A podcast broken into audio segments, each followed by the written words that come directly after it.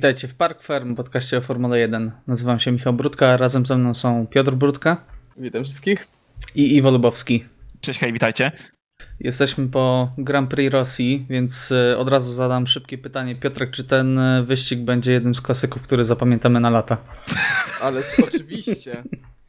To jest tak, to był tak wspaniały wyścig, że mało co pamiętałem z dwie godziny po nim, naprawdę. Nie, no ten tor jest do zaorania, panowie. No, nic z tego nie będzie, naprawdę. Jest Pierwsze jeden- okrążenie było fajne. To dzięki Carlosowi Sainzowi z, głównie, bo to co Sainz zrobił, to ja nie wiem, naprawdę ciężko mi to wytłumaczyć. E, ale tak e, co do wyścigu, no to, to jest to, czego się spodziewaliśmy. Na sam koniec e, zeszłego podcastu za, e, powiedziałeś, że damy znać, czy warto było. No nie, nie warto było, nie warto było Tak. oglądać tego wyścigu. Tragedia. Można tutaj zacytować Zbyszka Stonego. Nie, nie warto było robić nic, absolutnie. E, Iwo, zgadzasz się z opinią Piotrka? E, tak, no powiem szczerze, że musiałem mocno się zastanawiać, o czym możemy porozmawiać, jeżeli chodzi o wydarzenia konkretnie z toru, jeżeli chodzi o, o dalszą część wyścigu, bo tak naprawdę jedynie jestem w stanie zapamiętać pierwsze, no, kilka okrążeń, gdzie tak naprawdę spływały nas informacje dotyczące tamtych stłuczek e, początkowych, kolizji z bandami i kary dla Luisa, a poza tym, no, nic specjalnego, naprawdę nic specjalnego. No, było jeszcze najgor- najgorzej wykonany Team Orders w historii Formuły Tak, to było 1, mi się zabawne. wydaje. I najlepsze Team Radio zaraz po nim. Jakby, A, tak. a, naprawdę, to było coś wspaniałego. To, jest, to było takie Team Radio. Jak ludzie pytają się, czemu się czepiamy Hamiltona, czemu się ludzie czepiają Hamiltona, e, kiedy narzeka nas e, radiu, to to jest fantastyczny przykład, jak to powinno wyglądać. Dokładnie. Dostaje karę, no okej, zawiniłem, będę jechać szybciej. I tyle. I pojechał szybciej. Co ciekawe, po wyścigu e, Daniel Ricciardo sugerował, że pojechał w taki sposób, jak pojechał, e, bo gdyby chciał pojechać zgodnie z przepisami, e, zgodnie z wytycznymi przed wyścigiem dyrekcji wyścigowej, e, to straciłby więcej czasu. Także uznał, że te 5 sekund, okej, dobra, żaden problem, dostanę tą karę, ale stracę mniej czasu niż jakbym miał pojechać powiedzmy zgodnie z przepisami. No i No. prosta kalkulacja, super. Jakby To też jest- naprawdę bardzo, bardzo szanuję za podjętą decyzję, za brak robienia afery, zdecydowanie zdawał sobie sprawę, co zrobił i no kurczę, moim zdaniem każdy powinien się tak zachować. To też jest, e, kierowcy w sumie podjęli ten temat po wyścigu, e, że zaczęli proponować zmianę tego zakrętu, to jest oficjalnie zakręt numer dwa. E, I e, pojawiły się głosy zarówno ze strony na przykład Daniela Ricciardo, e, nie pamiętam czy Carlos Sainz brał w tym udział czy nie, pamiętam też, że wypowiadał się na ten temat George Russell, chyba Charles Leclerc również, że kierowcy bardzo nie lubią tego zakrętu i on mało co wnosi do, do ścigania, bo paradoksalnie rzecz biorąc mamy przed tym zakrętem naprawdę długą prostą, e, a nie ma tam jakoś strasznie dużo manewrów wyprzedzania ze względu właśnie na geometrię i dość szybkie przejście od razu w trójkę, które jest bardzo długim lewym zakrętem. Jak Aż-? Aż przypomniało mi się y, to dohamowanie Nico Rosberga. Kiedy z, to był Nico Rosberg, y, który tak, Tak. y, spektakularnie zblokował hamulce. Tak, że musiał zjechać od razu do, do boksu, bo tak e, zmasakrował swoje opony tym hamowaniem. E, tak, natomiast no, z jednej strony kierowcy mogą narzekać e, na wiele zakrętów, natomiast no, nie trudno, y, znaczy po tak długiej prostej zakręt powinien obfitować w manewry wyprzedzania. Tutaj tego, tak jak Piotrek nie mówiliśmy, no chyba, że zespoły chciały wymienić kierowców, a i tak się skończyło to nie najlepiej. E, Także jeżeli chodzi o mnie, no to szczerze powiedziawszy, ja najchętniej pozbyłbym się zupełnie wyścigu o Grand Prix Rosji, bo nie nie tylko jest to bardzo nudny wyścig, ale jest też w bardzo takich e, mm, dziwnej strefie czasowej, szczerze powiedziawszy. Nawet, nawet to przeszkadza, jest to nienaturalny wyścig e, Formuły 1 godziny 13.10. Nie wiem, e, Iwo, czy tutaj e, zgodzisz z moją oceną? A prawie zapomniałem o tym, powiem szczerze, bo miałem zaplanowaną niedzielę nieco inaczej. W sensie planowałem wstępnie, że nawet nie będziemy o tej godzinie w domu. Na szczęście o odpowiednim momencie sobie przypomniałem, że wyścig jest faktycznie o 13. No ja byłem... przypadek, przeglądając aplikację F1. Ja byłem święcie przekonany, że wyścig będzie o 14, więc kupiłem sobie bilet powrotny na pociąg z przyjazdem e, do Warszawy na godzinie 14.20, żeby zobaczyć e, no, jak najwięcej wyścigu. A okazało się, że przyjechałem do domu i akurat wyścig się skończył, także tutaj na szczęście skorzystałem z tego, że, e, że ten wyścig został, e, został nagrany. Natomiast e, przechodząc już bezpośrednio do tego, co się działo, zwyciężył Valtteri Bottas. Przynajmniej częściowo te nasze przewidywania się spełniły. Natomiast nie zwyciężył przez to, że pojechał fantastyczny wyścig. E, Pojechał bardzo dobrze, to trzeba mu oddać, natomiast e, no, nie był najszybszym kierowcą w ten weekend. E, Myślę, że szybszy był tutaj Luis. Natomiast Luis dostał karę. Były z tą karą ogromne zamieszanie, jeżeli chodzi o punkty karne. Także e, Piotrek, jak mógłbyś przybliżyć tutaj, może na początku zajmiemy się tą karą dla Hamiltona, za co dokładnie dostał e, Luis karę i e, jak wyglądała sytuacja z tymi e, punktami karnymi, które zostały doliczone, a później, później niedoliczone ostatecznie na konto Luisa. Generalnie cała sytuacja rozchodziła się o to, że przed weekendem wyścigowym kierowcy dostali wytyczne od dyrekcji wyścigowej, w którym miejscu mogą testować e, starty. E, Generalnie to miejsce jest ustalane e, w zależności od toru i zmienia się e, właśnie z weekendu na weekend. E, Na niektórych e, torach nie ma, te, e, nie ma takiego miejsca i można sobie testować powiedzmy w miarę dowolnie. E, Na niektórych torach na przykład w ogóle nie ma takiego miejsca i wtedy w piątek e, po treningu są organizowane próbne starty na miejscach startowych. E, I przed tym weekendem, przed tym wyścig, przed tym weekendem kierowcy dostali jasne instrukcje, gdzie mogą testować starty, a Lewis Hamilton na okrążeniu wyjazdowym na pola startowe na dobrą sprawę uznał, że miejsce, w którym wszyscy testują, no w sumie słusznie uznał, że jest za bardzo nagumowane i nie, nie będzie to dobrym reprezentantem odnośnie warunków, które będzie miał na miejscu startowym. E, I tutaj muszę przyznać naprawdę za samo takie podejście, plus naprawdę dla Luisa, że nawet w takim momencie pomyślał o czymś takim. Ale było to niezgodne z wytycznymi e, dyrekcji wyścigowej. Zapytał jeszcze Lewis Hamilton e, swojego zespołu, czy może zrobić to w innym miejscu. Tutaj błąd popełnił Mercedes, zezwalając mu na to. No i Hamilton e, w tym niedozwolonym miejscu, czyli gdziekolwiek indziej niż było wyznaczone, dwa razy zrobił test e, swojego startu, za co dostał początku, za co w trakcie wyścigu już, bo to działo się tuż przed wyścigiem, e, został ukarany po 5 sekund za każdy właśnie ten próbny start, czyli w sumie 10 sekund i po jednym punkcie karnym e, za każdy ten start, które po wyścigu z dziwnych przyczyn zostały e, usunięte. Także tak streszczając całą tą, całą tą historię. Okej, to teraz pytanie do Was, panowie. Czy Waszym zdaniem, e, bo oficjalna e, tutaj linia e, FIA jest taka, że e, Luis nie dostał tych punktów, ponieważ to nie była jego wina, tylko to była wina zespołu. E, Czy Waszym zdaniem jest to zasadne? Bo wielu kierowców stawiło się za Lewisem Hamiltonem, mówiąc, że te punkty były e, w założeniu miały być przyznawane za niebezpieczną jazdę, a nie za błędy takie techniczne i łamanie przepisów w ten sposób. Natomiast y, no, wielokrotnie były takie sytuacje, gdzie na przykład kierowca był niebezpiecznie wypuszczony przez zespół w, podczas pit stopów i dostawał punkty karne za to i jakoś nikt nie, e, nikt nie robił z tego powodu wielkiej afery. Dodatkowo trzeba wziąć pod uwagę, że Luis bardzo blisko byłby już wtedy dy, dyskwalifikacji na jeden wyścig, ponieważ miałby 10 punktów, y, a y, od 12 punktów jest ta e, dyskwalifikacja. Także Awo, jakbyś tutaj to, e, to, tę całą sytuację z karą Luisa skomentował? Znaczy tak, y, ja jestem w stanie częściowo zrozumieć inaczej. Przede wszystkim uważam, że jeżeli te kary, te punkty miały być odjęte na koniec po wyścigu, ostatecznie zapada decyzja, że nie zostaną dane Luisowi, to w pierwszym, y, po pierwsze nie powinny zostać w ogóle nadane e, po e, dodaniu 10 sekund kary sekundowej również. A, a to w związku z tym, że uważam, że za takie przewinienie e, podwójna kara dla kierowcy bezpośrednio może być trochę za mocna. Także nawet byśmy nie zwrócili uwagi, nawet byśmy pewnie nie wymagali punktów karnych dla Luisa, gdyby ich nie nadali. No gdzieś tam wiadomo, nadaje to pikanterii całym mistrzostwom i gdzie widzimy szansę, że Luis może nie wystartować w którymś z wyścigów, a dopiero po Turcji, prawda? Chyba z tego co pamiętam, Tak. e, resetują, znaczy e, dwa punkty mu schodzą.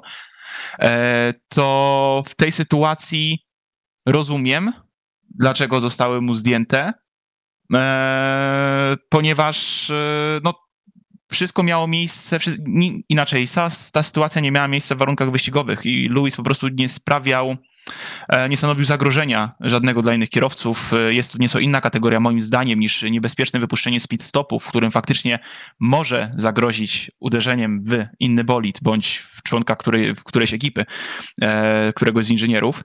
E, tak 10-sekundowa kara jest tutaj, wydaje mi się, i tak wystarczająco bolesna. E, także tak bardzo, tak jak kontrowersyjne jest odjęcie tych punktów, tak jestem w stanie się zgodzić, że mogłoby ich, mogłoby ich w ogóle nie być od samego początku, mimo wszystko. 10-sekundówka za zyskanie tej wiedzy, jak zachowuje się auto na danej nawierzchni jest wystarczająco dużą karą, moim zdaniem. Okej, Piotrek, jakie jest twoje zdanie? No ja się tutaj nie do końca zgodzę, bo znaczy oczywiście punkty karne zostały wprowadzone. Mi się wydaje, że generalnie cała idea i cała dyskusja odnośnie punktów karnych się zaczęła, e, popraw mnie jeżeli się mylę, ale chyba od tego wybryku Romana Grosjeana na SPA. Tak. E, Krótko potem zostały wprowadzone te punkty karne. E, I właśnie tak jak kierowcy również mówią, pierwotnie ta idea była, żeby e, zapobiegać właśnie takim zachowaniom na torze. No, rzeczywistość Formuły 1 to zweryfikowała i od wielu lat kierowcy dostają te punkty e, no, za mniejsze przewinienia, za, no tak jak już powiedziałeś, za y, błędne wypuszczenie e, w alei serwisowej, co jest żadną, e, żadną tutaj, z, żadnym zawinieniem ze strony kierowcy.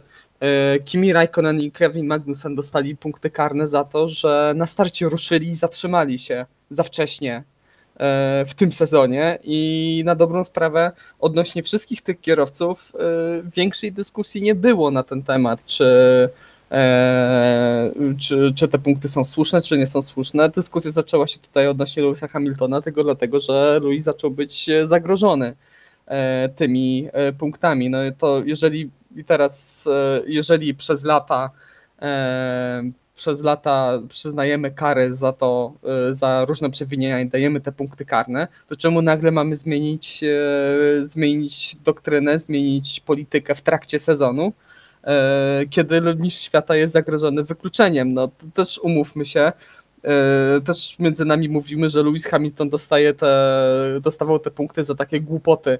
Tylko tak na dobrą sprawę, to koniec końców to nie były aż takie głupoty, no bo ignorowanie żółtej flagi, wjeżdżanie do pit stopu, kiedy jest zakaz, kiedy jest zamknięta aleja serwisowa. Stłuczki z Albonem. E, No, sztuczki z Albonem to już takie bardziej oczywiste. E, Tutaj testowanie startów w miejscu niedozwolonym.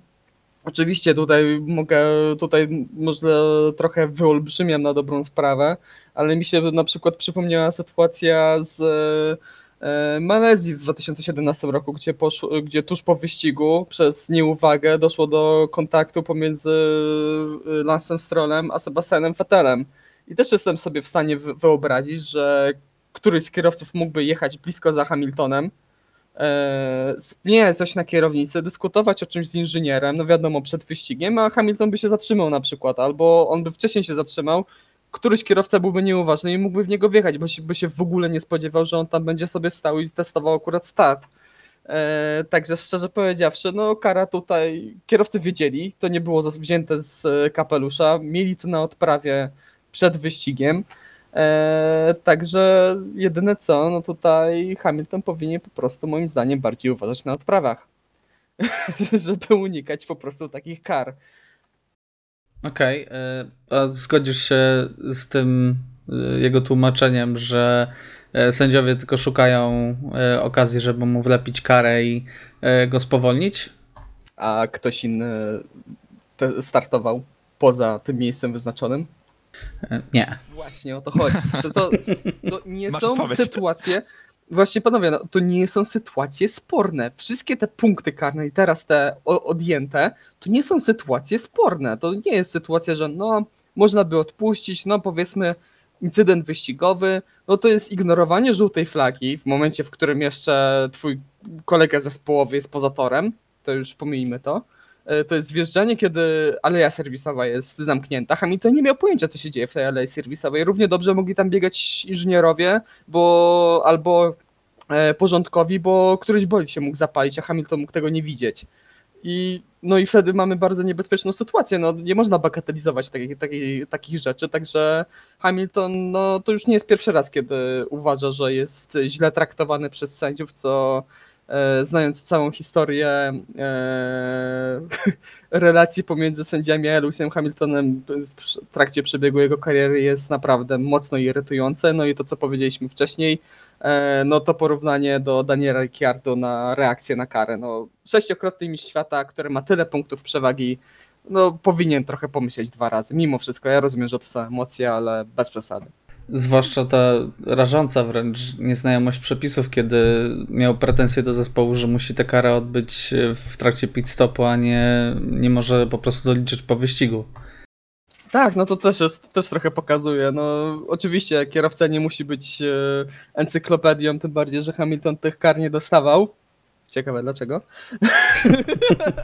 e, ale no ja rozumiem emocje, ja rozumiem e, naprawdę wiele, e, ale no powinien Hamilton trochę popracować nad sobą naprawdę, bo to, bo to jest trochę niesmaczne. Tym bardziej, że ta wypowiedź, że e, że sędziowie na siłę chcą, szukają czegoś, żeby mu tam przeszkodzić, nie była świeża po wyjściu z boju. No bo wtedy jeszcze bym bardziej... Nie, świeżo po wyjściu z bolidu powiedział, że nie chce na ten temat rozmawiać i był w ogóle mało rozmowy. To się pojawiło Tak. później, Tak. już po dekoracji, kiedy ochłonął. I właśnie y, to po wyjściu z bolidu było naprawdę na plus moim zdaniem. Mhm. No, zachował się ok, nie wyciągajmy wniosków, nie mówmy kto jest winny, czy ja, czy zespół. Nieważne, stało się, stało, jedziemy dalej. Okej, i tak powinien reagować sześciokrotny mistrz świata, a nie sugerować, że sędziowie się na niego wzięli i chcą go zawiesić na jeden wyścig, bo tak. No, Niedorzeczne. Ja, jakaś replika? Znaczy, zgodzę się z tym, że tak, pod koniec wyścigu bardzo dobrze się zachował. Zawsze brakuje mi tylko takiej jednej rzeczy, która moim zdaniem też nieco by odmieniła e, nasze stanowisko w tym, e, nasze postrzeganie jego.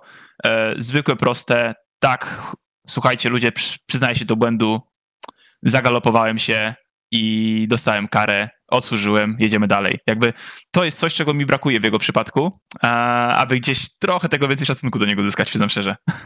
No tym bardziej, że to nie jest pierwszy raz. No ja pamiętam na przykład sezon 2016, gdzie y, Hamilton, kiedy przegrywał z Nico Rosbergiem, to się doszukiwał w spisku nawet w, w swoim zespole.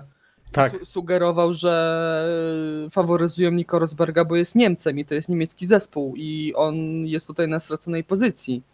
Także no naprawdę, szczerze powiedziawszy, już po tylu latach y, w takim wieku, no więcej wymagamy od sportowców, mimo wszystko. Aż już, aż przypomniało mi się Piotrek y, sezon 2011, który był chyba najgorszym sezonem w karierze Oj, tak. Hamiltona, e, gdzie popełniał dużo błędów, też dostawał dużo kar i w, po Grand Prix Monaco, kiedy dostał kolejną karę, e, zasugerował, że dostaje karę, ponieważ jest czarny.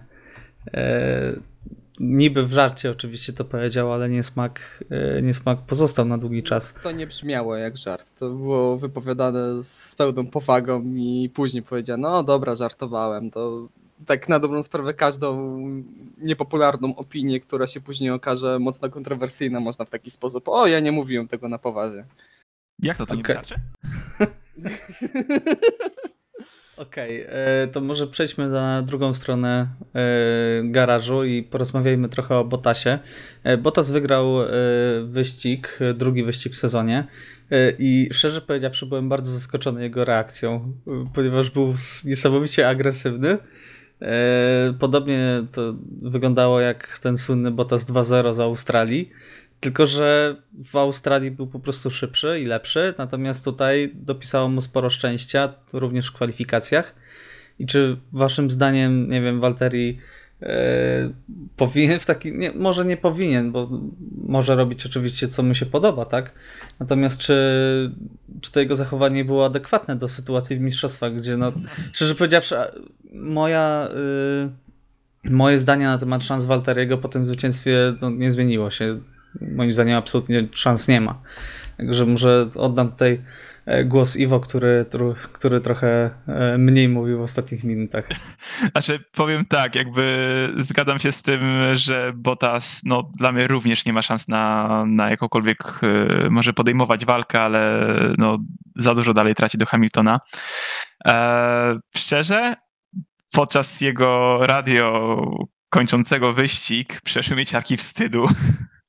e, naprawdę spodziewałem się naprawdę y, zadowolenia z, z zwycięstwa, wiadomo, no wykorzystał sytuację, ale umówmy się, on nie mógł nie wygrać tego wyścigu, on musiał go wygrać, po prostu nie było szans, żeby go przegrał, siedząc w Mercedesie, jeszcze jadąc po swoim, no jednym na pewno z ulubionych torów.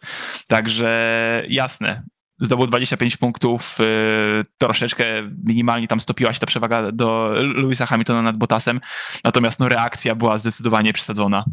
Jakby, okej, ja taką reakcję z chęcią bym usłyszał od niego, jeżeli wygrałby ten wyścig bez 10 sekund kary dla Louisa i faktycznie dochodziłoby do walki taką, jaką widzieliśmy na przykład w Wielkiej Brytanii rok temu. To, był fenomen, to była fenomenalna, fenomenalna walka między nimi. W tym przypadku no, jechał swoim tempem i tyle. Można pogratulować. Jasne, nie robił żadnego, nie popełnił błędów. Naprawdę, pojechał bardzo fajnym tempem i no znakomicie się spisał, ale no nie walczył, prawda? No, No tak, no to był, to był świetny wyścig w jego wykonaniu, nie popełnił żadnego błędu. Max Verstappen też nie mógł mu jakoś zagrozić. ale miał E. tempo. Max całkiem tempo i tak mimo wszystko tam było 7 sekund chyba do samego końca. Tak, Także niecałe jedno 8 potknięcie. sekund na, na finiszu, także jeden jakiś poważny błąd wystarczył. Piotrek, y, jak sądzisz, czy tutaj reakcja e, Walteriego była odpowiednia twoim zdaniem?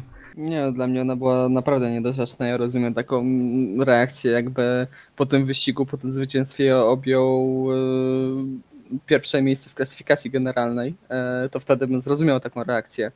Mm, Tą reakcją mi się wydaje, że e, Valtteri Bottas chciał pokazać, że po jego spływa ten hejt, że wiele negatywnych opinii to jest właśnie hejt, to jest niesłuszne, że e, ludzie z niego kpią, a on ma szansę cały czas i on jest mocny, a pokazał zupełnie co innego, że bardzo się tym przejmuje i że naprawdę tam mentalnie ma trochę problemy.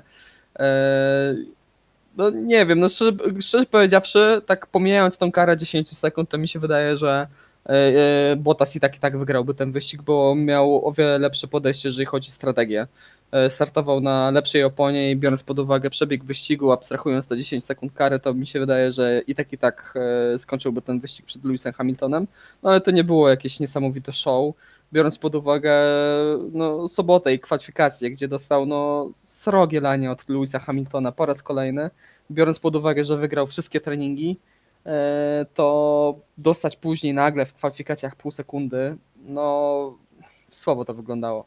Na swoim ulubionym torze, przypomnijmy. Dokładnie, no na torze, na którym zawsze jest bardzo, bardzo mocny. Ale dopiero teraz, Piotrek, przypomniałeś o tym faktycznie, że oni startowali na różnych mieszankach. Ja zupełnie o tym zapomniałem. I na, na pierwszym okrążeniu, w sensie podczas startu, czy podczas okrążenia formacyjnego, faktycznie e, przypomniałem sobie, że ten wyścig ma potencjał, jak startują w końcu na dwóch różnych mieszankach. Nawet kara to potrafiła zepsuć. Paradoksalnie rzecz biorąc. tak, tak, tak. Autentycznie, autentycznie. Teraz dopiero sobie o tym przypomniałem. No tak, no, no, na dobrą, e, no do, można, to, można tak e, przewidywać, że gdyby nie ta kara, to wyścig byłby dużo bliższy, tak? Byłby Walteri e, zjechał później i mógłby po prostu wykorzystać potencjał tych bardziej trwałych opon. Byłaby na pewno ciekawa walka do końca wyścigu, a tak to mieliśmy taki wyścig jak mieliśmy. W końcu obiecana odwrotna mieszanka. Tak, dokładnie.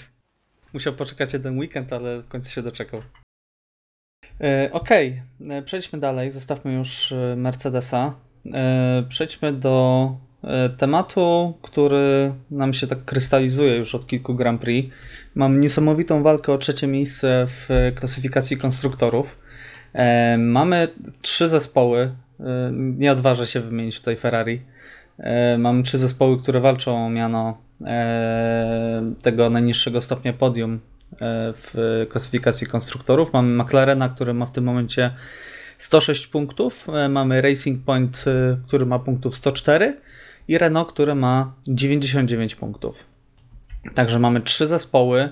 E, w- no, drugiej części sezonu już jakby nie patrzeć, e, które e, dzieli łącznie 7 punktów. I e, jak waszym zdaniem e, to się zakończy? Oczywiście e, jest jeszcze bardzo wcześnie. E, Jest jeszcze wiele wyścigów, wiele może się wydarzyć, ale zarysowuje się trend, w którym e, Renault wygląda coraz lepiej. E, Kolejny bardzo udany weekend. Mamy McLarena, który trochę złapał zadyszki e, i notuje bardzo słabe wyścigi. e, Nie zdobył punktów w Rosji i mamy zawsze groźny Racing Point, które e, no, notuje pojedyncze takie bardzo dobre rezultaty. Tutaj Sergio Perez był e, na miejscu czwartym. Także e, Piotrek, jakbyś tutaj e, przewidział, jakbyś skomentował tę walkę o trzecie miejsce? No, widać w końcu, że Renault y, s, y, zaczęło uzyskiwać takie rezultaty, jakich od nich wymagają na dobrą sprawę po testach przedsezonowych i na jakie miałem nadzieję. E, widać, widać, że są coraz mocniejsi, że naprawdę te ostatnie trzy wyścigi były świetne w ich wykonaniu. E, jednakże ja bym jeszcze w jakiś tutaj mega optymizm nie wpadał. Zobaczymy jeszcze w na najbliższych dwóch wyścigach, jak to będzie wyglądało. To są tory o trochę innej specyfice, e, trochę inne obszary e, rozwoju bolidu się tam bardziej liczą. E, widzimy też, no nie da się ukryć, że McLaren trochę nam złapał tutaj zadyszki. E, mi się wydaje, że może być to spowodowane tym, że no w przyszłym roku zmieniają silnik i muszą się mocno przygotować pod tym kątem. E, Czy sugerujesz tutaj niezbyt sportowe zagrywki Renault, które walczy z nimi o trzecie miejsce? Y, Nie, sugeruję, że po prostu w ogóle nie pracują nad, tą, nad poprawkami w trakcie tego sezonu, tylko skupiałem się nad, e, zmienie, na zmianach e, w konstrukcji Mhm. pod kątem jednostki napędowej Mercedesa. Tutaj wątpię, żeby to było aż tak, no bo tych awarii jednostek napędowych nie widzimy. E, Także, także wątpię, żeby to było. Też trochę mają pecha, trochę błędów popełniają. E, Mieliśmy na Mugello e, wypadek Carlosa Sainza na pierwszym okrążeniu. Tutaj również Sainz skończył wyścig na pierwszym okrążeniu, trochę z innych przyczyn. Nie, to o, tym, o tym musimy porozmawiać. Co Ale- to się wydarzyło? Oj, To jest po prostu niemożliwe. Ja jak na to spojrzałem, nie, ja byłem pewien, że ktoś w niego wjechał, przez co wylądował na bandzie. Natomiast K- Carlos zapytany, co się stało, powiedział, no źle wymierzyłem prędkość. Okej. okej, jasne, przechodzimy do kolejnego pytania. Ja Zagotował nam się myślałem, że dwa McLareny ze sobą walczyły do pierwszego zakrętu i któryś wypadł. Jakby zupełnie na początku chyba to, chyba to nie było pokazane nawet tak w pełni, albo Mhm. tak była postawiona, tak, bo ta kamera była umiejscowiona, że nie było szans, żeby nawet na to zwrócić uwagę. Czy no widać było, że Carlos urwał to koło na tej bandzie i mi się wydawało, że powiedziawszy, że e, zawieszenie uległo uszkodzeniu gdzieś tam w trakcie, nawet na, na podbiciu na tych tarkach wysokich, no, tak zwanych kiełbasianych. E, I po prostu Carlos nie miał e, kontroli nad bolidem, a on po prostu z pełną gracją władował się w bandę. To po prostu było niesamowite. Ja nie przypominam sobie czegoś takiego w ogóle w Formule 1, żeby ktoś to wyglądało jakby chciał, jakby specjalnie to zrobił. No. Niedorzeczne, naprawdę. Mam wrażenie, że na kolejny wyścig e, już te tabliczki będą umiejscowione nieco inaczej, jeżeli chodzi Znaczy- o drogę ucieczkową. Generalnie ta szykana była bardzo szybka, nie wiem, tak mi się wydawało. No na przykład też. Było strasznie wąsko, było strasznie wąsko. Znaczy wąsko, ale można było przejechać tą szykanę praktycznie z gazem w podłodze, jak pod dobrym kątem najeżdżałeś. E, To pokazał Po- na przykład Max Verstappen. Tylko, że Sainz atakował tą e, szykanę z e, o wiele Pod złym kątem. Po pod prostu. złym kątem, z o wiele ostrzejszego kąta i w momencie, w którym sobie zdał sprawę, że ojejku, jest, mam kłopoty, kłopoty, kłopoty Sańca, no można powiedzieć, no to, no to już było za późno, nie, nie był w stanie zareagować. No, niedorzeczna sytuacja, naprawdę. Grożą sobie nieco lepiej poradził jednak. O Jezu, a grożą to już w ogóle inny temat. To jest, to No jak też- miał do wyboru yy, Sańca zrobić albo wjechać w kartony jak Hanka, no to wybrał, wybrał kartony, no. Czy mi się wydaje tak, e, że Roman Grosjean w ogóle był zagubiony w tej sytuacji, bo on lekko wyjechał za tor i zrobił tak ruch w prawo, ruch w lewo, w prawo, dobra, skręcam tam, już Strasznie bał się kary. Szczególnie, że on chyba y, tam było powiedziane, tak mi się wydaje, że on teoretycznie nie musiał nawet tam zjeżdżać, ponieważ to było w walce, on tam nawet nie zyskał. Więc on chyba nawet nie musiał przez tą drogę w ogóle Oj, przejeżdżać. Zdecydowanie tam nie Zdecydowanie zyskał. nie zyskał. Ale no, szalenie chyba kierowcy bali się tych 5 sekund kary w tym wyścigu. Bo takie nawet były właśnie e, dyrektywy przed wyścigiem, że nawet kiedy pół bolidu ci się znajdzie za tymi kiełbasianymi tarkami, przepraszam, że używam tego stwierdzenia, bardzo, mnie, bardzo to lubię, e, to oni już muszą jechać przez tą szykanę, bo inaczej będzie 5 sekund. E, Co jest e, dziwne moim zdaniem. No na przykład Daniel Ricciardo właśnie wyjechał połową, bo- połową bolidu, pojechał prosto, nie jechał tamtym, tamtą szykaną Sańca, już można to powiedzieć, i dostał 5 sekund, także no taki tor, jakby był, był tam żwir taki z Mugello na przykład, to, to by nie było problemu. A to jeszcze zależy jaka głębokość tego Głębokość. żwiru. taki głęboki żwir. To. E, wracając do tematu, myślę, Tak, że wracając. Będzie, będzie trzeci, bo są najbardziej równi, e, mają najbardziej równe osiągi, jeżeli chodzi o bolid. E, oni zawsze są mniej więcej tam koło tego piątego miejsca, szóstego, przynajmniej jeden z ich bolidów, niezależnie od tego, jaką mamy specyfikację toru, także myślę, że oni koniec końców e, skończą na trzecim miejscu. Ale będzie blisko z Renault. No mi się Okej, wydaje, że walka Iwo? będzie do ostatniego wyścigu, szczerze mówiąc, jeżeli chodzi o tę trójkę. Bo tutaj zauważmy, że no tak, Racing Point, gdyby nie Charles Leclerc, prawdopodobnie by jeszcze na parę ładnych punktów odskoczyło. Natomiast no ile Renault tak naprawdę miało jeszcze punktów? Niedawno około 40 kilku punktów z dwa, trzy wyścigi temu. Cały czas kończą, kończą w bardzo dobrych punktach i szczerze mówiąc e, wierzę, że no wszystko tak naprawdę tutaj będzie kwestią dosłownie przypadków. Zauważmy, że żaden z tych zespołów nie ma e, dwóch niesamowitych kierowców, którzy zawsze kończą na rewelacyjnych miejscach, e, tylko wszyscy są solidni. Oczywiście oprócz Daniela Ricciardo, który jest rewelacyjnym kierowcą.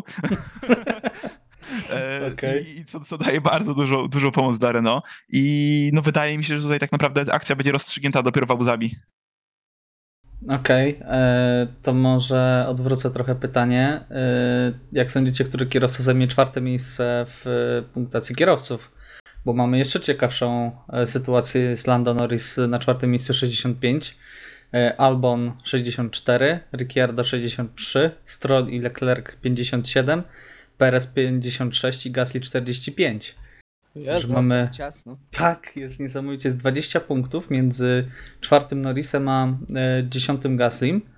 E, niedaleko za Gaslim jest jeszcze e, Sainz 41 punktów. Natomiast przed Norrisem jest Verstappen 128. Więc prawie do, dwa razy więcej punktów. Natomiast jakby się tutaj ocenili, który kierowca będzie na tym czwartym miejscu, czy Alex Albon, który powinien być na tym miejscu, nie oszukujmy się, e, czy może ktoś e, ze środka stawki, e, czy może nawet Charles Leclerc, bo już nawet Ferrari do środka stawki w tym momencie nie zaliczam. Przykre to z Ferrari, ale wydaje mi się, jeżeli Renault bardzo nie odpadnie na tych bardziej technicznych torach, to wydaje mi się, że Daniel Ricciardo będzie skończył ten sezon na czwartym miejscu. Bo jest super świetnym, szybkim kierowcą, tak? Tak, tak. I fajny gość. Fajny gość, prawda? Dobrze, Iwo, zgadzasz się tutaj z osądem? Nie, zgadzam się, że Daniel to jest fajny gość. Natomiast mimo wszystko wydaje mi się, że jednak Alex Albon zajmie to, to miejsce, bo no też pewnie czuje tę presję. Jest jednak już połowa sezonu za nami i no musi nadgonić mimo wszystko. I gdzieś tam z tą presją wydaje mi się, że jednak pogoni za Lando Norrisem, do którego traci dosłownie jeden punkt i utrzyma się na tym czwartym miejscu potem już do końca sezonu, bo no to miejsce też może się w końcu zwolnić w Red Bullu, prawda? E, tak, już widzę, że e, puściłeś takie oczko w kierunku plotek e, tej na rynku transferowym. E, możemy teraz przejść o tym, bo jeżeli. Czy macie coś jeszcze tutaj do dodania? Może jakiś e, plus, minus, e, kogoś A ty, a chcielibyście ty Michał, jak wyróżnić? uważasz, kto zajmie czwarte miejsce? Aj, złapałeś mnie po raz kolejny. Nie, mo moim zdaniem e, będzie na tym czwartym miejscu też Daniel Ricciarda. Też bym stawiał.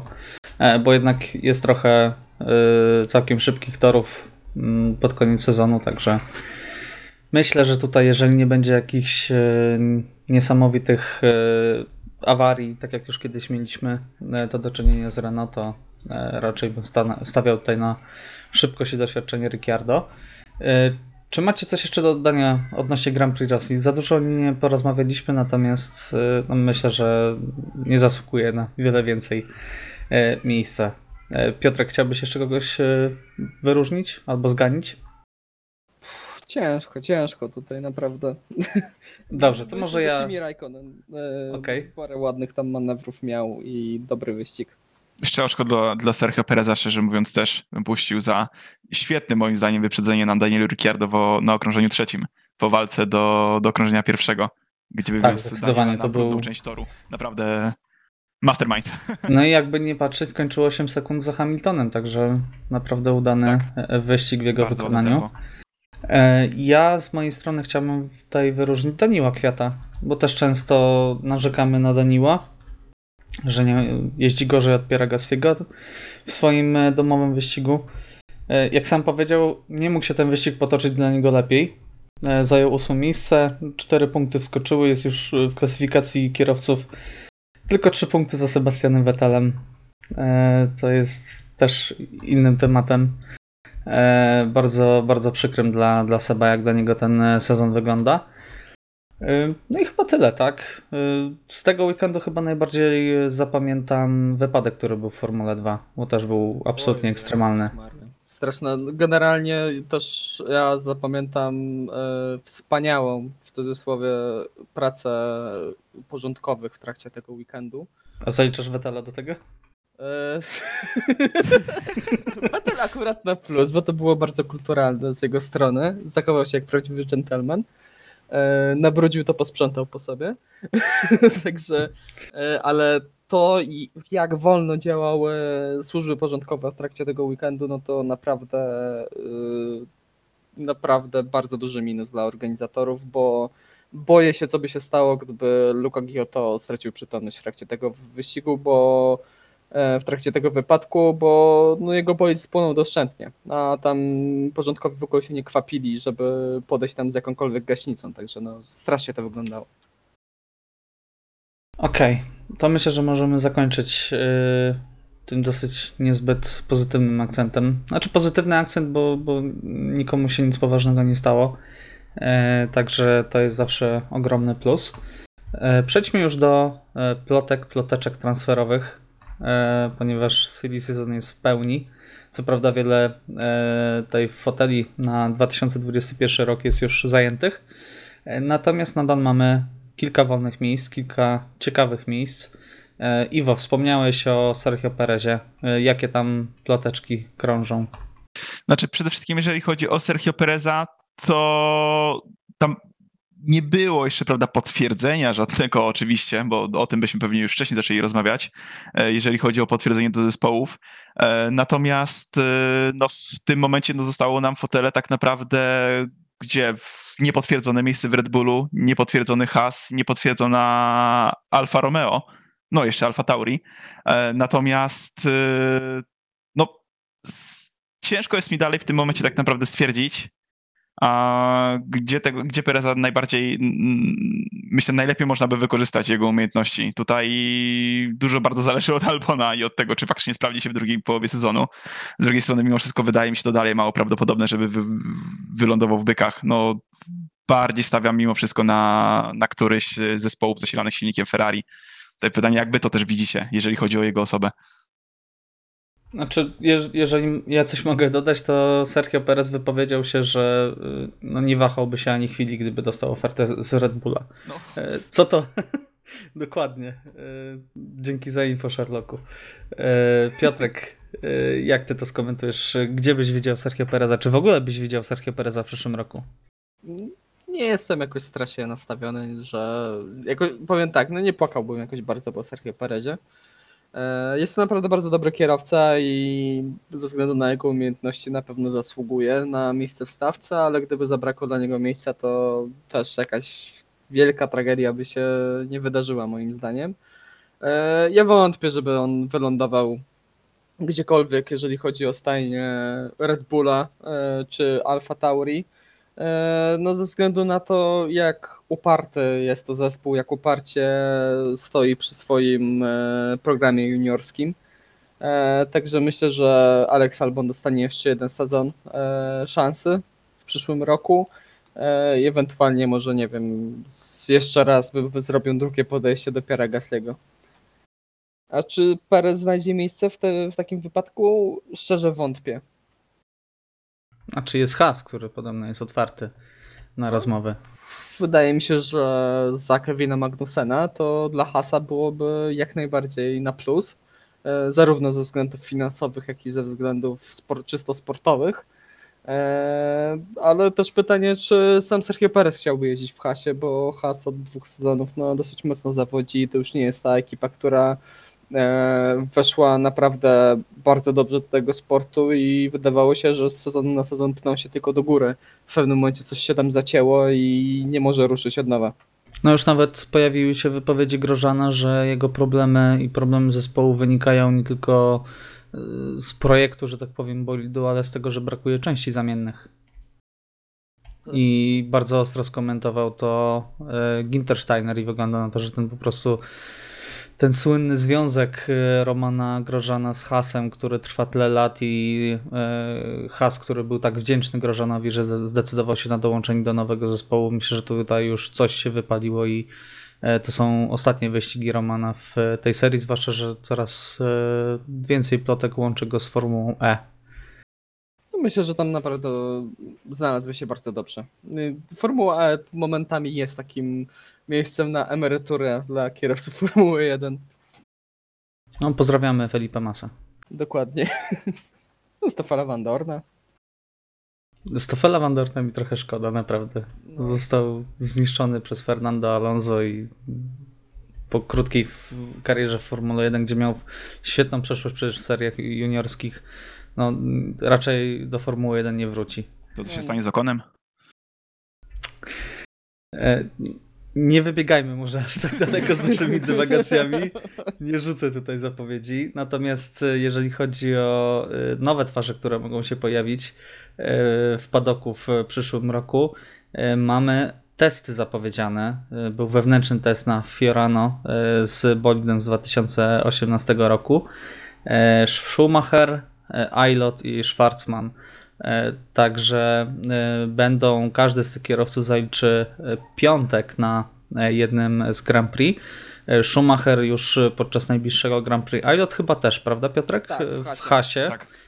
Schumacher w Alfie Romeo, natomiast Schwarzman na pewno w Abu Zabi, natomiast gdzie dokładnie? Chyba też w Alfie Tak, będzie w Alfie miał piątek. Także Piotrek, ty jako taki nasz ekspert nadworny, Korespondent z F2. dokładnie, e, jako że jesteś wielkim fanem tej serii, e, jak byś to skomentował? Czy będziemy mieć trzech juniorów Ferrari w przyszłym sezonie? Jest to, jest to w ogóle możliwe? Ciężko z tym trzecim miejscem, szczerze powiedziawszy, bo dwóch wydaje mi się, że na pewno. E, Jedno miejsce do Alfa Romeo wydaje mi się, że Antonio Giovinazzi niestety pożegna się, no niestety albo stety, pożegna się z fotelem wyścigowym w przyszłym sezonie. E, Zarówno to miejsce po Romanie Grosjeanie, jeżeli chodzi o Hasa, e, myślę, że zajmie kolejny z wychowanków e, Ferrari.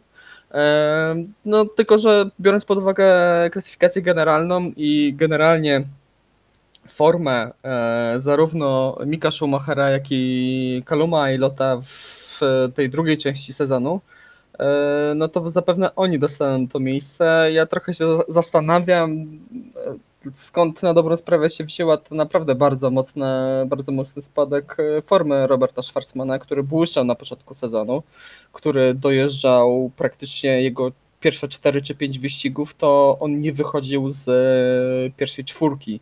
Cały czas e, był gdzieś na podium, był gdzieś tam koło czwartego miejsca, mimo że startował bardzo często z ósmego, dziewiątego, z dziewiątego pola. E, także trochę jestem zdziwiony, e, bo jak dla mnie to w pewnym momencie był pewniak, jeżeli chodzi o mistrzostwo w tym, w tym sezonie Formuły 2, a w tym momencie spadł aż na piąte miejsce, także coraz to bardziej niepokojąco wygląda od strony Rosjanina. Ale bardzo chciałbym e, go zobaczyć w Formule 1, bo uważam, że z tej trójki, nawet biorąc pod uwagę aktualną sytuację w Formule 2, to on ma największy potencjał, jeżeli chodzi e, o przyszłość w Formule 1. Zwłaszcza, że jest to jego pierwszy sezon, a Schumacher i Dokładnie. Aylot y, jeżdżą już dłużej w Formule 2. Dokładnie, no na dobrą sprawę w tych sobotnich, dłuższych wyścigach e, w Formule 2 e, do e, na dobrą sprawę trzeciej rundy, jeżeli dobrze pamiętam, najgorszym miejscem Schwarzmana było czwarte, a najlepszym miejscem Schwarzman, e, Schumachera wtedy było czwarte. Także wtedy to naprawdę, biorąc pod uwagę statystyki, e, to Robert e, Mika miażdżył po prostu, a w, od drugiej części sezonu. Na dobrą sprawę od weekendu w, na Silverstone, kiedy doszło pomiędzy nimi do kontaktu, e, no sprawy się zupełnie odwróciły.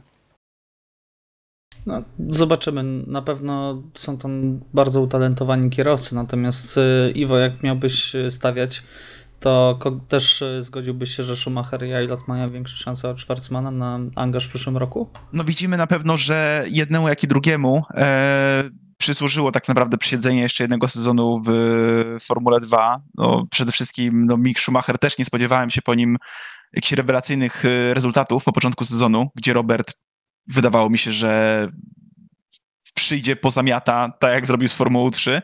E, wydaje mi się, że Robert potrzebuje jeszcze jednego sezonu na dotarcie, E, natomiast e, Callum i Mick, no tutaj są pewniejsi. Plus, wydaje mi się, że zbyt dużym ryzykiem byłoby też dla e, ogólnie całego Ferrari, czy, czy, czy, czy, już, e, czy, dla, czy, dla, czy dla Hasa faktycznie, e, zaryzykowanie z posadzeniem dwóch e, młodych kierowców do któregoś z tych zespołów. Także wydaje mi się, że Schwartzman będzie miał jeszcze sezon do dotarcia, ale no jestem przekonany, że wyląduje w Formule 1. Okej, dobra. Chyba, że się zasiedzi jak nigdy Fries. Okej, dobra, czyli e, waszym zdaniem, znaczy ja jestem przekonany, że Schumacher już ma podpisany kontrakt na przyszły rok. To, to działa jeszcze ta siła nazwiska, moim zdaniem, zdecydowanie. Tak. Tak, ja kompletnie nie rozumiem zdania, że Schumacher ma trudniej ze względu na swoje nazwisko. On jest tak przez wszelkie media wypychany. Ja pamiętam, jak debiutował w Formule 2 w zeszłym sezonie, to dochodziło momentami do takiego, do takich niedorzecznych sytuacji, gdzie jechał gdzieś tam na dziewiątym miejscu, 5 sekund do kierowcy przed nim, 5 sekund do kierowcy za nim. I nagle w momencie, kiedy było blisko do walki, nagle realizator pokazywał Mika Schumachera, który sobie jedzie po torze na dziewiątym miejscu, ledwo tam się o punkty ociera. Także jest naprawdę bardzo mocno wypychany. No i też ten jego zeszły sezon był w Formule 2 bardzo, bardzo słaby. Okej, czyli ciągnięty trochę za uszy e, Mick Schumacher. E, No tak, Można to zauważyć, że Formuła 1 chce to medialnie wykorzystać, bo mieliśmy w zeszłym roku jazdy e, tym bolidem z 2004 roku na Ho- Hockenheim. Mieliśmy w tym roku na Mugello. E, Ilość w ogóle materiałów na social mediach e, z z Schumacherem z okazji jego pierwszego treningu piątkowego e, jest no, naprawdę ogromna. No jest to jakoś poniekąd też zrozumiałe, prawda? Tutaj też chyba gdzieś tam wszyscy musimy się zgodzić, że e, no jednak jest synem tego Schumachera, prawda? Tak, dokładnie. I myślę, że wszyscy się z tym zgadzamy, gdzieś tam wszyscy mamy ten sentyment. E, I tak, zgadzam się z wami, że też nie uważam, żeby miał trudniej w sporcie, przeciwnie. Natomiast myślę, że gdzieś tam też musimy się zgodzić z tym, że wewnętrznie, jeżeli chodzi o presję, którą gdzieś tam czuje, musi mieć ciężko, tak czysto personalnie pod kątem Tak, tak. No, wyjście z formy, cienia dokładnie. ojca, tak. No, także to pobił wszystkie coś, rekordy. z czym będzie siedział, co będzie za nim, na, nim ciążyło przez całą jego karierę i no, no sam musi z tym walczyć, prawda? On może mówić, że jest mu ciężko, ja jestem w stanie zrozumieć, że jest mu ciężko, ale no myślę, że ma na pewno osoby, które mu w tym pomogą. No tak, no z jednej strony jest trochę ciągnięty, tak jak mówimy, a z drugiej strony właśnie opinia publiczna cały czas mówi, o nie, nie, z niego nie będzie, nie, on nie będzie tak dobry jak ojciec, o tutaj kiepsko. W Formule 2 to tragedia, już wiele osób to go skreślało po tym pierwszym sezonie w Formule 2, także e, no jeżeli chodzi o opinię publiczną, to Mick na pewno nie ma łatwo. Okej, e, to przejdźmy do prawdziwej bomby, która e, wybuchła pod koniec tygodnia, e, ponieważ nagrywamy to z tygodniowym opóźnieniem, jeżeli chodzi o wyścig. Gruchnęła informacja naprawdę z że Honda odchodzi z Formuły 1 po sezonie 2021. E, Już wydawało się, że silniki przygotowane przez Hondę naprawdę są konkurencyjne. Kierowcy też e, jakoś e, nie narzekali. Fernando Alonso już e, długo nie korzysta z tych silników, także też nie było okazji uzyskać jego zdania. Natomiast no, Honda postanowiła, że wycofa się z Formuły 1 i Red Bull zostaje bez dostawcy silników na niesamowicie ważny sezon 2022, w którym przypominamy, będziemy mieć zupełną zmianę przepisów.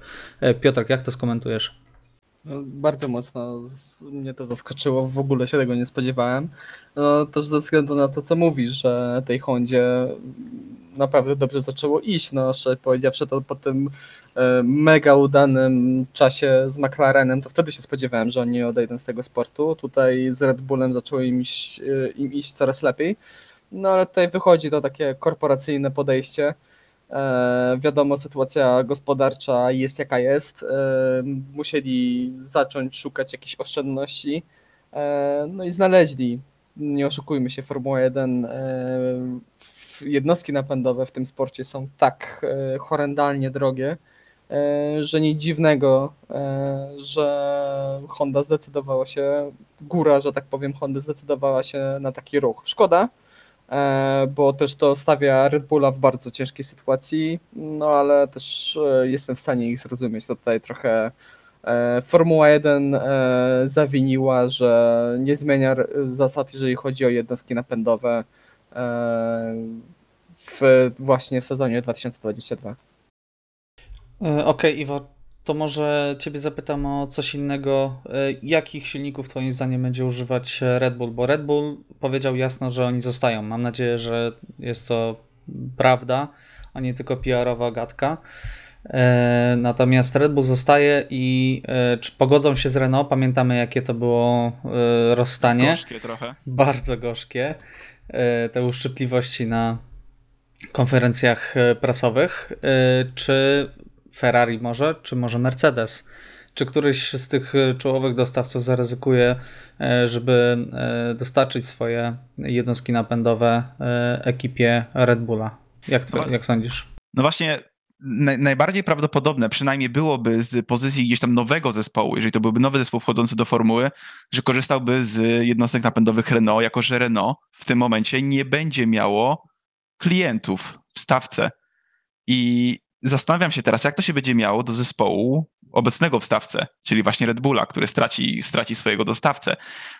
No, dla mnie logiczne Znaczy, jeżeli chodzi o same przepisy, przepraszam, że ci przerwę, jeżeli y, Red Bull nie znajdzie innego dostawcy, to Renault będzie zobligowany przez przepisy, żeby dostarczyć. Tylko teraz czy mamy spodziewać się tego, że Mercedes, czyli bezpośredni konkurent, i Ferrari, który no, mimo wszystko mam nadzieję też będzie bezpośrednim konkurentem Red Bulla, czy któryś z nich faktycznie będzie dostarczało im silniki? Czy gdzieś tam dojdzie do ponownego mariażu z, z Renault?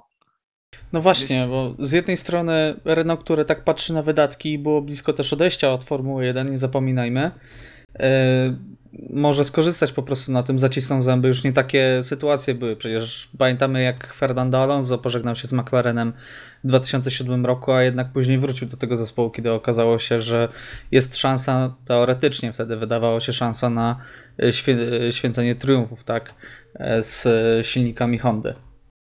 Będzie spotkanie Christiana z Cyrilem. Słuchaj, stary, zrobiliśmy fajne show w Netflixie, ale mimo wszystko chyba musimy poważnie porozmawiać. I w, moim zdaniem to jest najbardziej prawdopodobna opcja w tym momencie. Wydaje mi się, że Renault też będzie zależeć, żeby faktycznie mieć jakiegoś mocnego klienta, jednocześnie który nie będzie. Wiesz, w 22 roku nie wiadomo. Każdy może tak naprawdę ze sobą konkurować. Dokładnie. E, ale wydaje mi się, że gdzieś tam mogło dojść do porozumienia. Po prostu mniej prawdopodobny wydaje mi się i Ferrari, i Mercedes, z tego względu, że no, konkurują ze sobą już od lat i nie spodziewam się, żeby były dwa bolidy konkurencyjne a, walczące o mistrzostwo, a, na ty, o, chodzące na tych samych silnikach. A Piotrek, jak sądzisz, czy może dojdzie do sytuacji, w której Alfa Tauri będzie miało inny silnik? Było przecież tak kiedyś e, na, najpierw z e, silnikami Hondy, jeszcze wcześniej pamiętam, że było e, Toro Rosso Ferrari, prawda? Tak, tak, było. Mieli silniki Ferrari, tym bardziej, że to no, włoski zespół, koniec Dokładnie. końców, także jest, to, jest taka możliwość, chociaż biorąc pod uwagę te zapowiedzi Red Bulla, że chcą zrobić dwa identyczne bolidy na dobrą sprawę, biorąc pod uwagę sytuację z Racing Point, e, to wątpię, że pójdą na takie rozwiązanie, bo wiadomo, inna jednostka napędowa to zupełnie trzeba przeprojektować e, konstruk- e, konstrukcję bolidu. E, Też zgodzę się tutaj z Iwo, że no najbardziej prawdopodobna jest e, opcja Renault z tego względu, że no Mercedes ani Ferrari raczej nie będą chcieli dać swoich jednostek napędowych e, no, swoim bezpośrednim rywalom. E, Biorąc również pod uwagę to, e, że wątpię, żeby Red Bull chciał teraz silniki Ferrari, bo one nie są najlepsze. No właśnie, dochodzi tutaj to, że czy oni będą chcieli silniki Ferrari, a przecież e, Mercedes już będzie dostarczać Astonowi Martinowi, który też wyrasta na wielkiego rywala. Dokładnie, także tutaj może, może się to różnie poukładać. Ja bym chciał zobaczyć jednostki napędowe Ferrari w Red Bullu, bo wydaje mi się, że. Ale szybsze. Tak, tak, nie, no poważnie. Już Tak. sobie wyobrażam Maxa Verstappena krzyczącego GP2 Engine. Znaczy to inna sprawa, bo zapis e, w, jest, był taki zapis w kontrakcie Maxa Verstappena, że jeżeli Honda odejdzie, to on też może odejść. Właśnie, to jest Z- jeszcze jedna kwestia, którą musimy poruszyć. Także ja jestem również ciekawy, czy Max Verstappen będzie w ogóle jeździł w Red Bullu po tym w sezonie 2022. Jak myślicie? Iwo, jak sądzisz? Ja jestem Zobaczymy. bardzo ciekaw twojego zdania. A szczerze mówiąc, dużo zależy od tego, co się stanie w Mercedesie.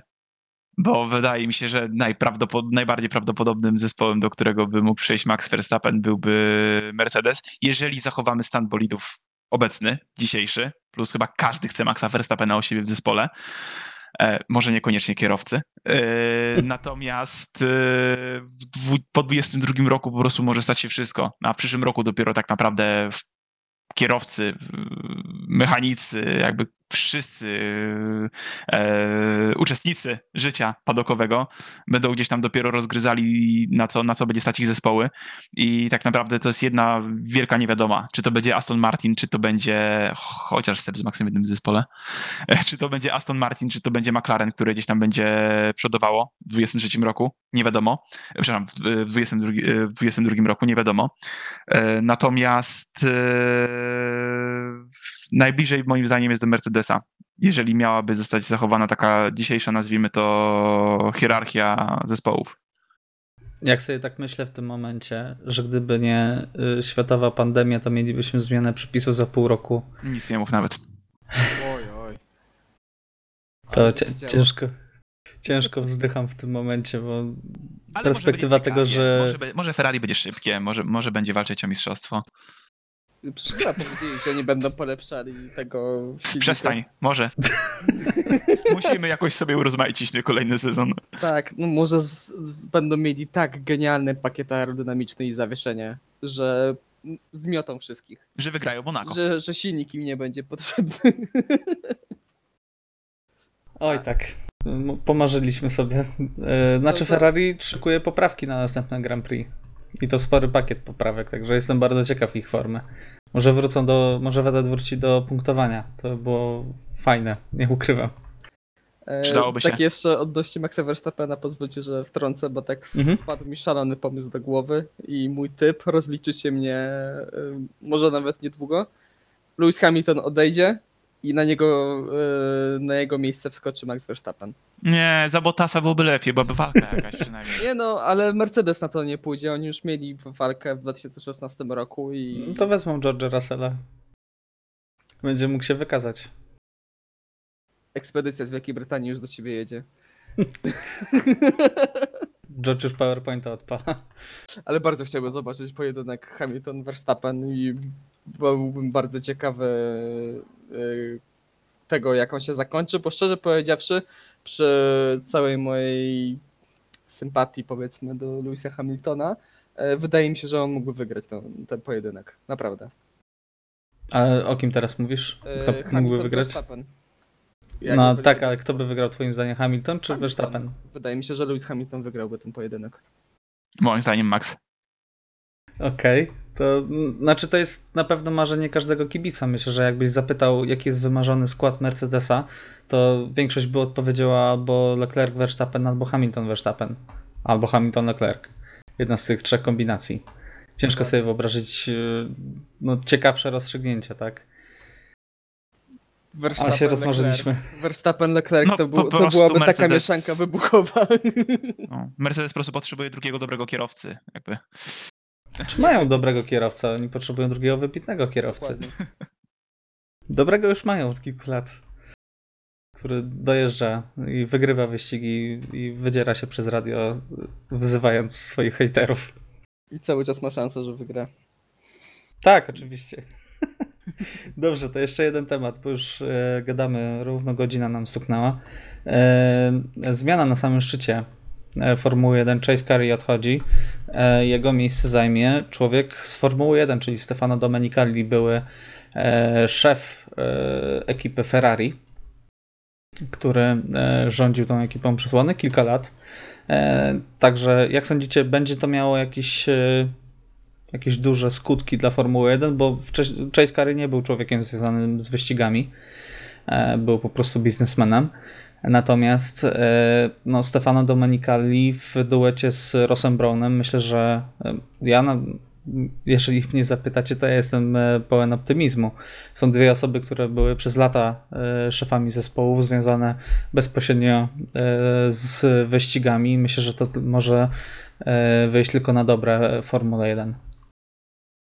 No też jestem bardzo pozytywnie nastawiony do tej zmiany. Miejmy nadzieję, że Formuła 1 bardziej zacznie nawiązywać do swojego DNA, do, swojego, do swojej tradycji, a mniej zobaczymy tego takiego powiedzmy tej amerykanizacji, którą widzieliśmy, powie, że bardzo dużo było za- zaczerpane takiego show, które bardzo często nam Europejczykom niezbyt się podobało. Już pierwszy przykład z wierzchu to mi się przypominają te ekrany z kibicami, którzy kibicują w trakcie wyścigu.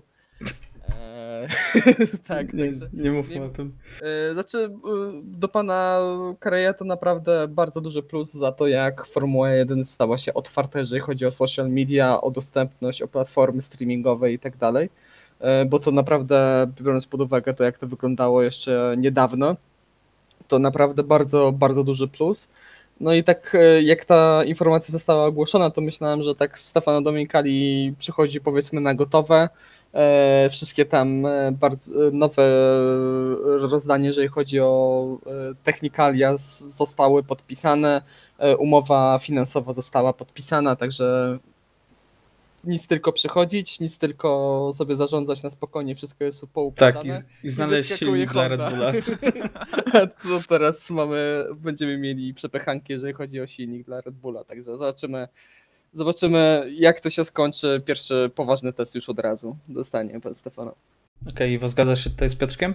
Tak, no zgadzam się, bo tutaj wydaje mi się, że nie będzie to miało negatywnego wpływu na, na, na sport, przeciwnie, bo będziemy mieli teraz no, może odejście od tego stricte biznesowego, a, które nie jest złe, prawda, które, które otworzyło sport, właśnie tak jak Piotrek powiedział, ale po prostu będziemy mieli osobę, która faktycznie w tym sporcie uczestniczyła realnie, prawda, i miała wpływ na życie zespołu, i miała wpływ na, na, na to, jak te, jak te wyścigi faktycznie wy- wyglądały z ich, e, w ich stajni, więc e, no, wydaje mi się, że to będzie dobre doświadczenie przeniesione faktycznie już wyżej w hierarchii zarządzającej. No moim zdaniem jest to dobra decyzja.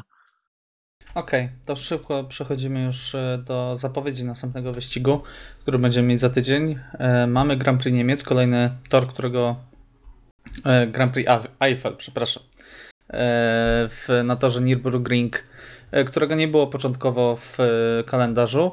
Także jakie są Wasze przewidywania? E, Wraca tor, który, na którym bardzo długo też się e, nie ścigaliśmy. E, Kto Waszym zdaniem e, wygra kwalifikację? E, Kto wygra wyścig? Kto zostanie kierowcą dnia? Piotrek, e, jakbyś tutaj zapowiedział to Grand Prix. E, No, tor na pewno ciekawy. Ciekawa jest ta nitka. Nie jestem jakimś wielkim fanem jej, ale jest parę miejsc, gdzie można wyprzedzić. Jest parę miejsc, jest to tor dość techniczny, e, dość ciężki dla kierowców, także na pewno do takich e, obiektów lubimy wracać. A jeżeli chodzi o zapowiedzi, no ciąg dalszy dominacji Mercedesa. Hamilton w sobotę, bo jest nie do pokonania w kwalifikacjach w tym roku. To, co on jeździ, to jest naprawdę coś nieprawdopodobnego. E, W niedzielę wydaje mi się, że jeżeli Hamilton nie będzie ignorował e, różnych rozporządzeń, e, jeżeli chodzi o bezpieczeństwo na torze, to również, również zwycięży w niedzielę. A kierowcą dnia zostanie Charles Leclerc, bo mam nadzieję, że te poprawki Ferrari, które są zapowiadane, sprawią, że ten zespół zacznie jeździć chociaż bliżej tej czołówki, bo to jak oni wyglądają od paru wyścigów, to to jest e, tragedia. Okej, Iwo, e, jak ty stawiasz? E, No, jeżeli chodzi o kwalifikacje, to faktycznie Lewis Hamilton. E, Tutaj ze względu na, na konstrukcję toru i że tak naprawdę on jest no, całkiem kręty, e, wydaje mi się, że szansę na zwycięstwo może mieć Max Verstappen w tym wyścigu, a co jednocześnie uczyni go kierowcą dnia. Ale ogólnie zapatruję się bardzo pozytywnie, bo to jest e, jeden z takich no, najbardziej legendarnych torów, jeżeli chodzi o współczesne ściganie, gdzie jednak w wyścigu Formuły 1 nie było od 7 lat? Tak, chyba w 13 roku. był ostatni 2013 też No mi się tak właśnie. wydaje. tak, e, to jest to jeden z takich najbardziej legendarnych torów, na którym faktycznie nigdy nie widziałem wyścigu Formuły 1 i z wielką chęcią zobaczę i naprawdę z bardzo dużym optymizmem do niego podchodzę. E, Oby tylko był bezpieczniejszy niż to, co widzieliśmy w Mugello, czyli to, że też stosunkowo nowym, prawda, dla większości kierowców. Nowym, no, dla, zdecydowanej większości tutaj jeszcze przynajmniej kilka osób jeździło. E, tak, y, było, nawet pojawiło się na social media nagranie Louisa Hamiltona z 2007 roku, kiedy zaliczył potężne uderzenie e, w kwalifikacjach. Także też e, na pewno e, no nie ma najlepszych wspomnień z tamtego, z tamtego wyścigu, w którym była niesamowita ulewa i został wyciągnięty ze żwiru. E, Co jest mu do dzisiaj wypominane jako przykład właśnie e, tego, że sędziowie mu jednak pomagali. E, Jeżeli chodzi o mnie, ja stawiam e, w sobotę na Louisa Hamiltona, w niedzielę na Maxa Verstappena, e, a kierowcą zostanie Charles Leclerc. Także pogodziłem was, panowie. E, Wziąłem trochę z jednego, trochę z drugiego. E, No i myślę, że możemy zakończyć ten odcinek, jeżeli dotrwaliście do tego momentu. E, Bardzo Wam dziękujemy za e, uwagę, za poświęcenie tej ponad godziny na słuchanie naszych wywodów na tematy okołoformułowe. Mamy nadzieję, że wyścig będzie. Znaczy, pójdę dalej nawet. Jestem przekonany, że wyścig o, na Nürburgringu będzie dużo ciekawszy niż Grand Prix Rosji, ponieważ nie da się być dużo, dużo nudniejszy niż to, co zobaczyliśmy ostatnio. Także do usłyszenia w następnej e, edycji e, Park Firm o Grand Prix Rosji i o tym, co się dzieje w Formule 1 rozmawiali Piotr Brudka, Dzięki wielkie. Iwo Lubowski Dzięki, do usłyszenia. i Michał Brudka. Trzymajcie się, cześć.